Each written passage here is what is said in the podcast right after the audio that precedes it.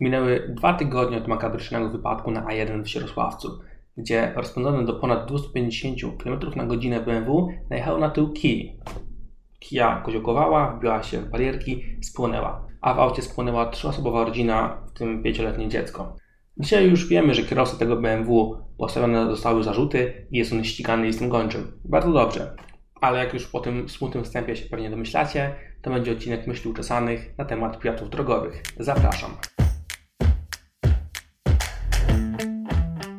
Wypadek, o którym opowiedziałem w wstępie, otaczały dziwne okoliczności. Na początku policja informowała, że Kia uderzyła w bariery ochronne i to było przyczyną wypadku śmierci trzech osób.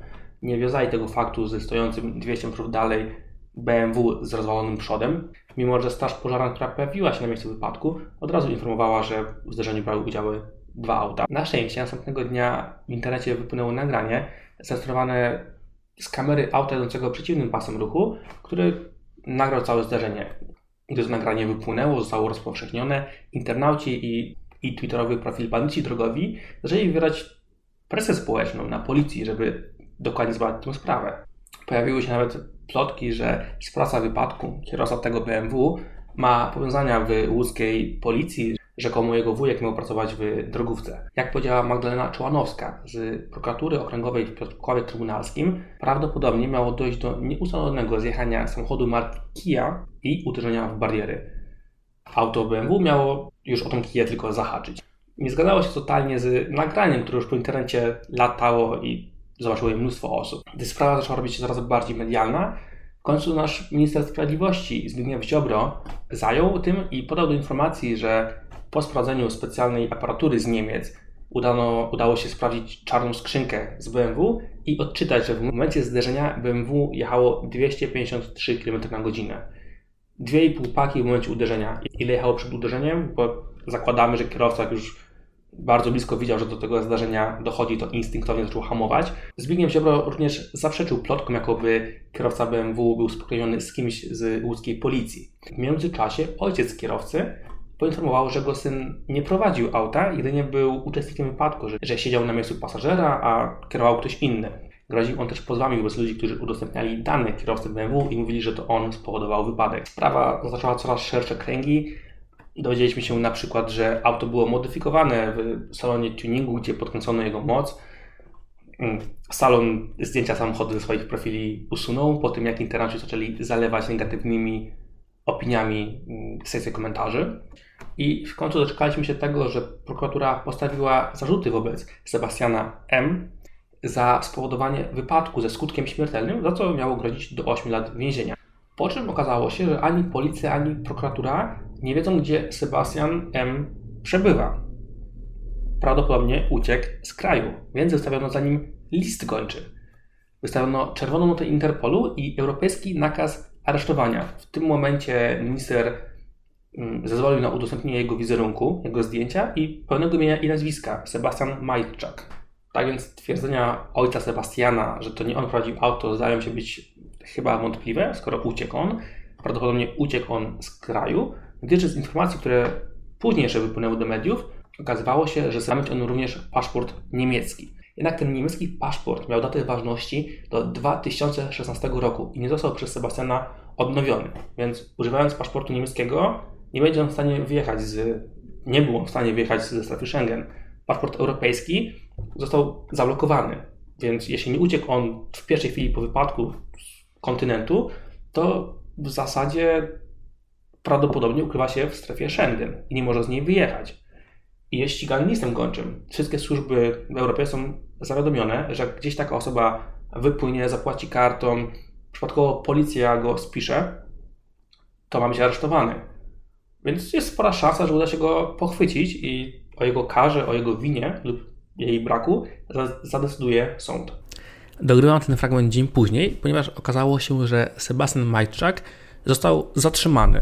Udało się go pochwycić w Zjednoczonych Emiratach Arabskich gdzie prawdopodobnie dostał się z Niemiec przez Turcję. Polska jednostka policji, współpracując z lokalną policją ze Zjednoczonych Emiratów Arabskich, przechwyciła Sebastiana Majczaka, który w tej chwili przebywa w areszcie w Zjednoczonych Emiratach Arabskich, a Polska stara się o jego ekstradycję.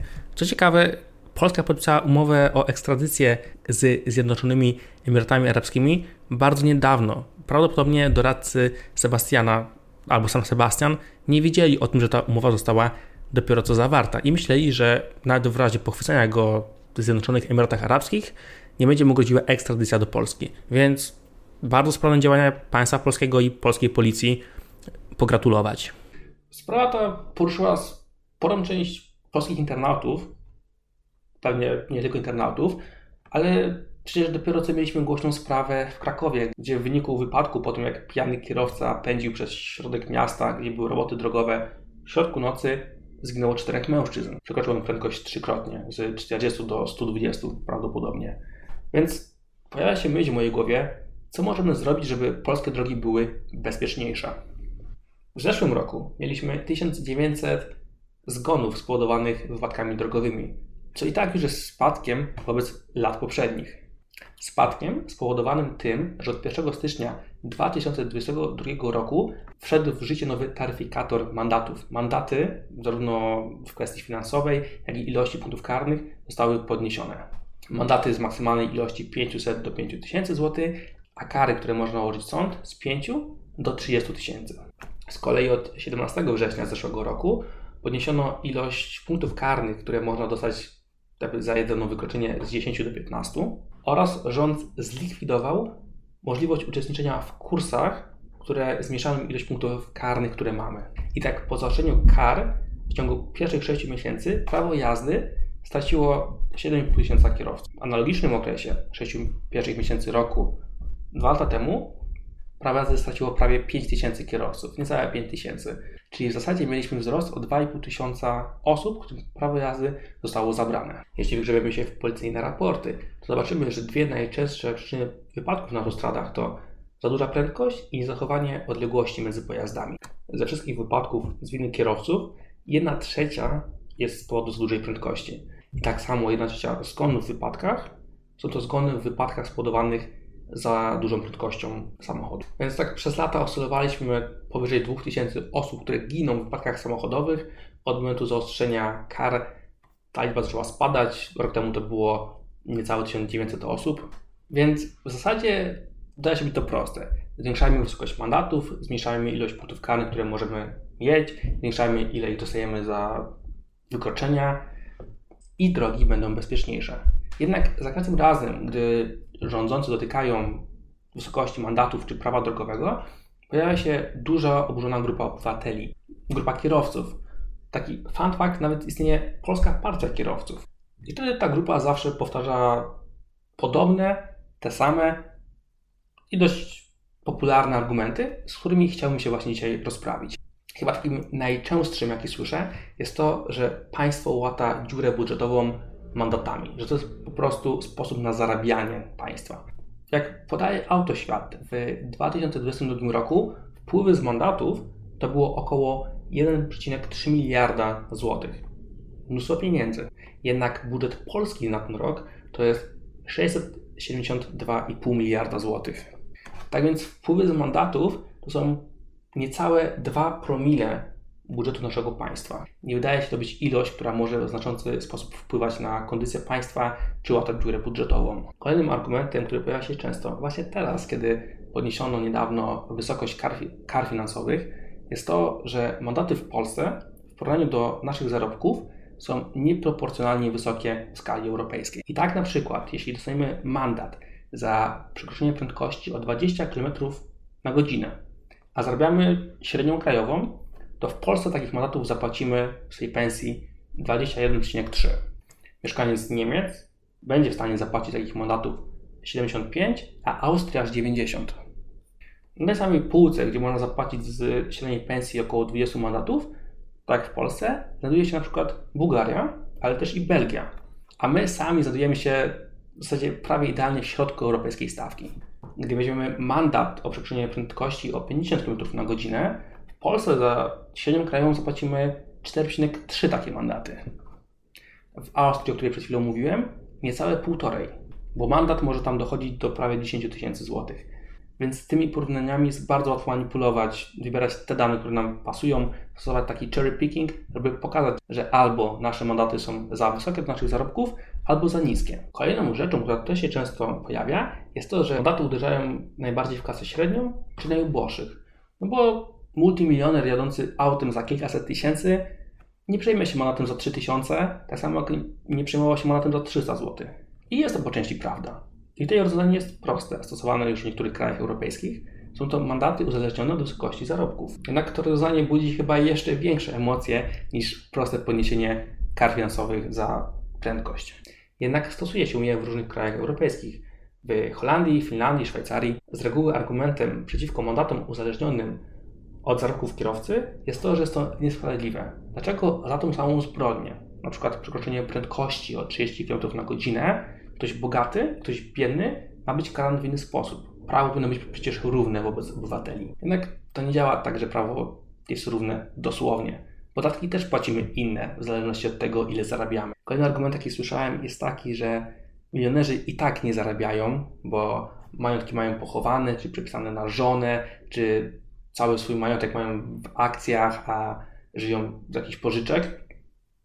Nie przemawia do mnie dlatego, że jeśli z góry zakładamy, że państwo jest za słabe, żeby stworzyć porządną legislację, żeby stworzyć na tyle szczelne przepisy, żeby się ich nie dało obejść, jeśli takie nam założenie z góry przyświeca, to po co się w ogóle starać? W ogóle przestańmy jakiekolwiek reguły prawa wprowadzać, ustalać. Ja nie lubię tak myśleć. Chciałbym żyć w państwie, które jest skuteczne i potrafi karać mandatami czy podatkować również multimilionerów, nie tylko klasę średnią. To, to tworzy pewne komplikacje i utrudnia wstanie mandatów, bo nie jest to tak łatwe, trzeba to wszystko policzyć, kto ile zarabia. Więc minusem takiego rozwiązania jest właśnie większa ilość biurokracji i papierkowej roboty niż tylko zwykła tabelka 30 km na godzinę 3000 zł. Popularna jest historia z Finlandii, gdzie najbogatszy mieszkaniec Wysp Alandzkich przekroczył prędkość o 30 km na godzinę.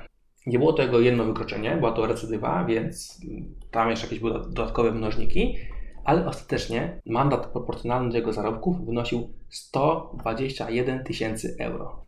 Co ciekawe, to nie był jego pierwszy tak duży mandat, a ten multimilioner wypowiedział się, że oczywiście ten mandat zapłaci i ma nadzieję, że te pieniądze pójdą na jakiś dobry cel w państwie, jak opieka zdrowotna dla dzieci. I w końcu ostatni argument, który słyszałem już mnóstwo razy. Właśnie głównie od ludzi, którzy jeżdżą szybko, albo którzy jeżdżą dużo, od kierowców zawodowych, kierowców tirów, autobusów. Argument ten brzmi, że ci ludzie łamią przepisy, jeżdżą szybko, ale robią to bezpiecznie. Że prawdziwym zagrożeniem na drogach są leśne dziadki, starzy ludzie, którzy są zamulaczami, jadą 90 na godzinę lewym pasem, a lewy pas, jak wiadomo, to nie jest różańcowe, że to oni stwarzają większe zagrożenie niż ci, którzy jeżdżą szybko, ale świadomie jeżdżą szybko. Nie zgadzam się z tym totalnie, ponieważ pewnie istnieje promil kierowców, którzy mają jakieś przeszkolenie w szkole bezpiecznej jazdy, doskonałą swoje umiejętności na torze wyścigowym i jak nawet jak jadą szybko, są w stanie swoje auto opanować. Ale to jest promil. Jak już mówiłem wcześniej, najczęstszą przyczyną wypadków jest za szybka jazda. Najczęstszym powodem wypadków śmiertelnych jest za szybka jazda. Największy procent tych wypadków jest spowodowany przez młodych, nerwanych kierowców w wieku 18-24 lata. Procentowo to ilości tych kierowców w całej puli. Ale statystycznie najmniej wypadków, jeśli weźmiemy ludzi 18, plus, powodują seniorzy 60. Plus. To oni właśnie jeżdżą najbezpieczniej. I po tych kilku mitach, z którymi chciałem się rozprawić, pokazać Wam, jak ja to widzę, została jeszcze jedna rzecz. Te kursy, o których mówiłem. Te kursy do kasowania punktów karnych. Samo to istnienie kursów wydaje się być dla mnie trochę abstrakcyjne, bo sam nieraz dostałem mandat za szybką jazdę. Raz nawet potrąciłem kurę na drodze. Dobiłem do 20 punktów karnych. To były głupie zachowania, których nie pochwalam, ale sam tych 20 punktów karnych dobiłem. I wiem, że nie da się dobić do 20 punktów karnych jednym wydarzeniem. Raz jechałem szybko i dostałem 20 punktów. Nie, to ci musi zdarzyć kilka razy. Jeśli takie kursy istnieją, to znaczy, że ludzie, którzy wielokrotnie łamali prawo, mają szansę pójść na nowy kurs, zapłacić kilkaset złotych, żeby być bezpiecznym i móc łamać prawo po raz kolejny. No, jest to strasznie dziwne. Na szczęście państwo te kursy zlikwidowało. Jednak zmiany te cofnięto. Od 17 września tego roku kursy zostały przywrócone. Pozwalają one zredukować do 6 punktów karnych i dodano obowiązkowe ćwiczenie praktyczne na placu. Zaleca się ćwiczenia z hamowania, ale mogą być to inne ćwiczenia. Jednak dlaczego te kursy wróciły? Zdawało się, że idziemy w dobrą stronę. Zaostrzyliśmy kary, ilość wypadków śmiertelnych spadła, ilość praw jazdy odebranych kierowcom, którzy przesadzali na drodze, została e, zwiększona. Dlaczego nagle te kursy przywrócono? I teraz będziemy się poruszali w strefie domysłów, bez żadnych twardych danych i faktów. Taki disclaimer od razu. I moje domysły są takie, że był to lobbying branży transportowej. Branży transportowej, która jest w Polsce bardzo ważna. Odpowiada ona za 7% naszego PKB i za 6,5% zatrudnienia w Polsce. To są wielkie liczby. Obstawiam, domyślam się, że ta branża mocno lobbowała u polityków, żeby te kursy przywrócić, ponieważ właśnie kierowcy ciężarówek, którzy nam wiozą te przysłowiowe bułeczki, bez tych kursów byli narażeni na to, że częściej stracą prawo jazdy. No oczywiście, czym częściej, czym więcej razy oni mogą jechać za szybko, dojechać szybciej, to mogą wykonać więcej kursów, tym się biznes lepiej kręci. Ale czy istnieją jakieś możliwości poprawienia bezpieczeństwa na polskich drogach? Nasze egzaminy na prawo jazdy już są jednymi z najtrudniejszych do zdania w Europie. Więc pierwszym pomysłem może nie byłoby dodatkowe utrudnienie egzaminów, dodania więcej pytań na teorii, ale zmiana w sposób, w jaki uczymy kierowców. Może dodatkowe ćwiczenia na placu nie z parkowania i przechania łuku do przodu i do tyłu, ale z panowania nad poślizgiem czy gwałtownego hamowania, tak jak na tych właśnie kursach redukujących punkty karne. Jednak jeśli macie jakieś inne pomysły, piszcie je w komentarzu, z chęcią się z nimi zapoznam. Zdaję sobie sprawę, że ten odcinek wkurzy trochę ludzi i że wielu z Was się z nim zgadza, więc chciałem z tego miejsca pozdrowić wszystkich moich kolegów z Wydziału Samochodów i Maszyn Roboczych, jak i specjalne pozdrowienia dla Piotra Kordiana i Rafała, którzy też na pewno z tym, co powiedziałem, się nie zgadzają. Trzymajcie się i do usłyszenia w kolejnym odcinku Myśli Uczesanych. Na razie.